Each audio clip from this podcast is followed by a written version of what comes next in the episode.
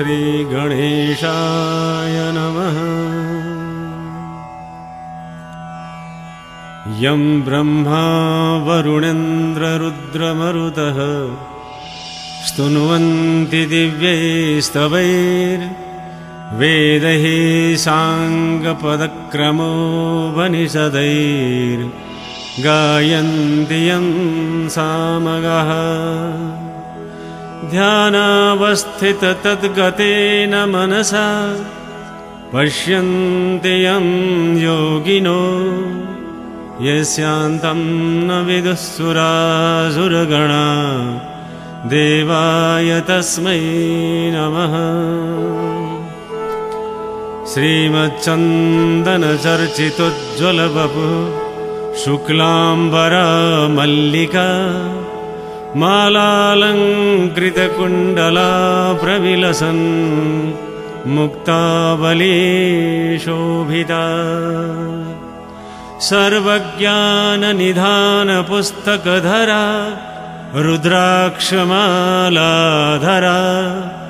वाग्देवी वदनाम्बुजे वसतु मे त्रैलोक्यमाता चिरम् मूकं करोति वाचालं पङ्गुं लङ्घयते गिरिं यत्कृपातमहं वन्दे परमानन्दमाधवम्। नमो भगवते तस्मै व्यासायामिततेजसे यस्य प्रसादाद् वक्ष्यामि नारायणकथामिमाम् नारायणं नमस्कृत्य नरं चैव नरोत्तमं। देवीं सरस्वतीं व्यासं ततो जयमुदीरये।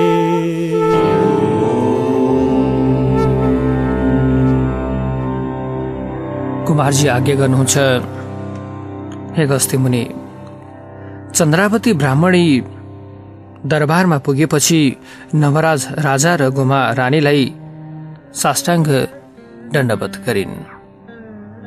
अनि नवराज राजाले राम्रोसँग माया गरी आसनमा स्नेहले बसालेर सोधे हे स्त्री चन्द्रावती तिम्रो मुख नदेखेको आज कति वर्ष भयो? तिमीलाई लिन डोलेहरू पठाएको थिएँ। तिनीहरू आजसम्म फर्केनन्। तिमीले पनि किन विलम्ब गर्यौ? म महाराज भएको चाल पाइनौ कि? अथवा अरू कुनै न कारण छ? मैले त राज्यको सुख भोगले तिमीलाई बिर्सिराखेको थिएँ। फेरि साली नदीको तीरमा आएर किन एक्लै बसेकी मलाई त लावण्य देशका लोकले भनेर पो थाहा पाए। अर्को कुरा तिमी अघि जस्तो देखिँदैनौ? बडो तेजीले चम्कने अनुहारको भइछौ यो किन हो? मलाई केही बताउँछ कि? आफ्ना पति नवराज राजाले भनेको सुनि खुसी भएर चन्द्रावती रानी भन्न लागिन्। ए स्वामी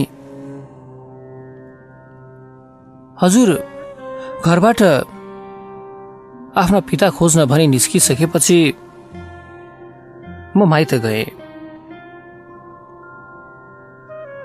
निकै समयसम्म म माइतमा नै थिएँ। मलाई हजुर फर्किएको पनि खासै थाहा भएन। तत्पश्चातका कुनै पनि घटनाहरू थाहा छैनन्। तर एक दिन म घरैमा बसिरहेको बेलामा हजुरले लिन भनेर डोलेहरू पठाउनु भएछ। राजा भएको खबर तिनका मुखदेखि सुनेर हजुरसित कहिले भेट होला कहिले दर्शन पाएर आनन्द मनाउला भन्ने इच्छाले हतपताई आएको थिएँ। त्यो दिन माघ शुक्ल पूर्णिमाको दिन रहेछ। वनमा स्वर्गका अप्सराहरू आएर श्री स्वस्तानी परमेश्वरीको व्रत गर्न लागेकोदेखि डोलीहरू डोली अढाएर मलाई त्यही छोडेर उनीहरू त्यसतर्फ लागे। डोलीहरूले हामीलाई एकैछिन फुर्सद चाहियो। केही भोक पनि लागेको छ वनमा केही पाए खाएर आउनेछौँ। तपाईँ एकछिन यहीँ बस्नुहोस्। यसो भनेरै डुल्ली अड्याएर मलाई वनमा एक्लै छाडेर अप्सराहरूले व्रत गरेको ठाउँमा गएर ती अप्सराहरूका संसर्गमा व्रत गरेर प्रसाद लिई म भएका ठाउँमा आई मलाई प्रसाद दिए। त्यसबेला मलाई अहङ्कारले छोपी डोलीबाट ओर्लेर डोलीहरूका हातबाट प्रसाद खोसेर थुथु गरी थुकी गोडाले कुल्चेर मिल्खाई श्री स्वस्तारी परमेश्वरलाई अनेक तरहको निन्दा पनि गरे। साथै डोलेहरूलाई पनि नराम्रोसँग खै के के गरे त्यो होसै छैन। अहङ्कार र क्रोधका कारणबाट के कस्ता नराम्रा अवस्थाहरू आउन सक्दछन् यो कुराको होसै हुँदैन। अनि डोलेहरू मदेखि डराई केही भन्न नसकी आँखाबाट बलिन्द्र आँसुका धारा खसारी। डोली बोक बोकी मलाई केही उत्तर नदिकन अगाडि बढे। तब साली नदीमा आएर नदी तर्न लाग्दा अकस्मात चौधुवा टागे जस्तो मेघ उठी हुरी चली ठुलो पानी पर्यो। हावाले गर्दा म डोलीबाट खसेर साली नदीका माझमा परे। डोलीहरूलाई के भयो? कहाँ गए? त्यो मैले केही थाहा पाइन।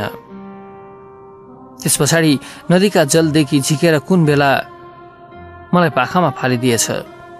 त्यो पनि मलाई थाहा भएन। त्यस पछाडि मलाई छेडमा मुर्छा हुने फेरि एकैछिनमा चेष्टा हुने भइरह्यो। म यस्तै हुँ भन्ने कुराको पनि ज्ञान भएन। हलचल गर्न नसकी जहाँको त्यही नदीकै तीरमा परिरहे। केही समय पछाडि कपिल नाउ गएका दुई ब्राह्मण भाइहरू यतैबाट कतै जान लागेका रहेछन्। मैले ती दुवै भाइलाई देखेर कहाँ जान लाग्यो भनेर सोधेँ। ती दुई भाइ ब्राह्मणले राजाका ब्राह्मण भोजनमा जान लागेको भन्दा उसो भए मलाई पनि के मागेर ल्याइदिनु भनी पठाए। ब्राह्मणहरू गए।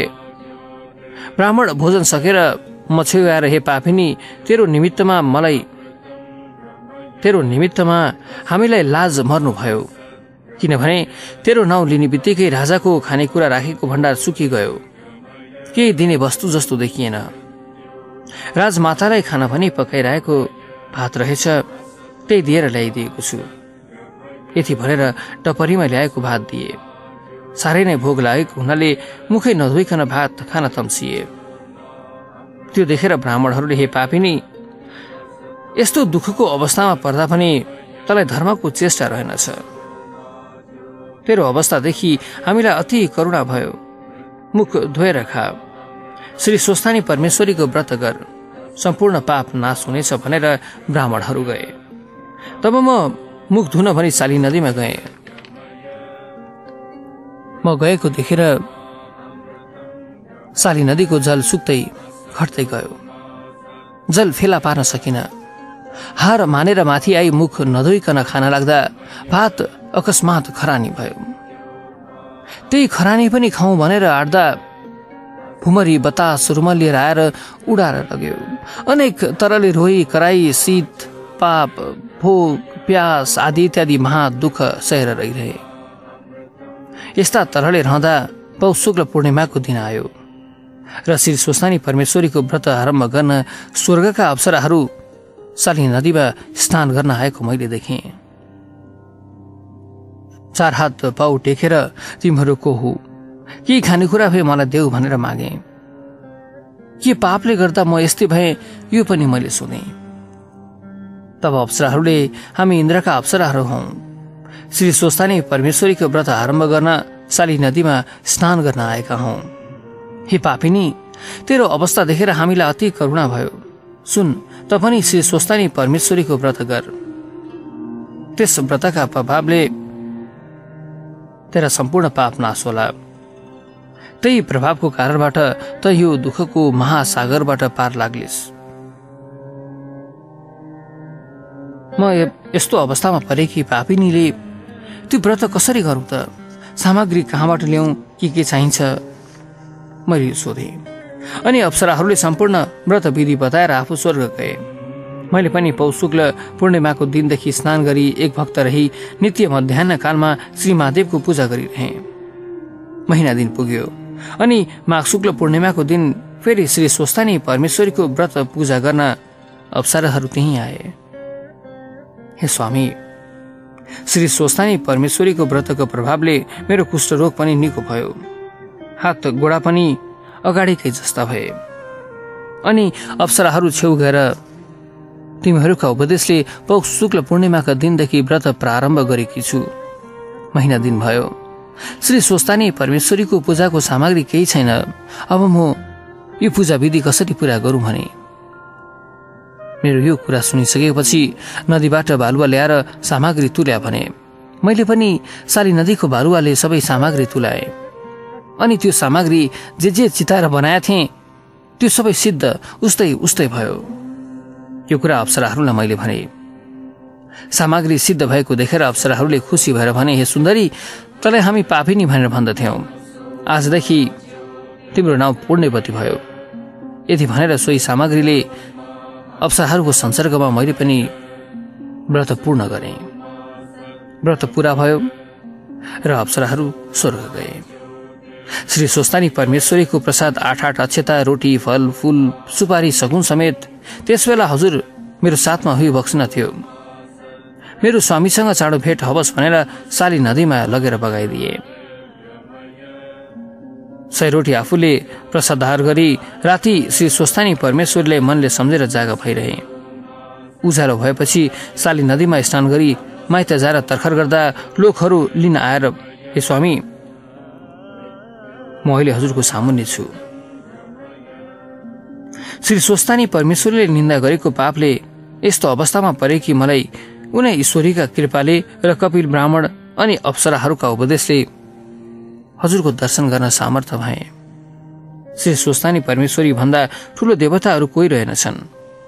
सम्पूर्ण व्रतको व्रत धर्मको पनि धर्म कालकी पनि काल देवताकी पनि देवता यस्ता ईश्वरीलाई कोटी कोटी नमस्कार भनेर चन्द्रावती रानीले बारम्बार नमस्कार गर्दै भइन्।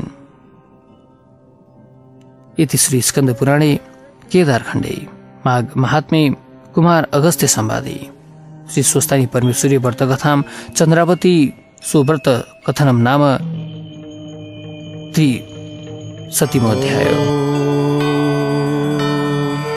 तत्रैव गङ्गा यमुना च तत्र, गोदावरी सिन्धुसरस्वती च, सर्वाणि तीर्थानि वसन्ति तत्र।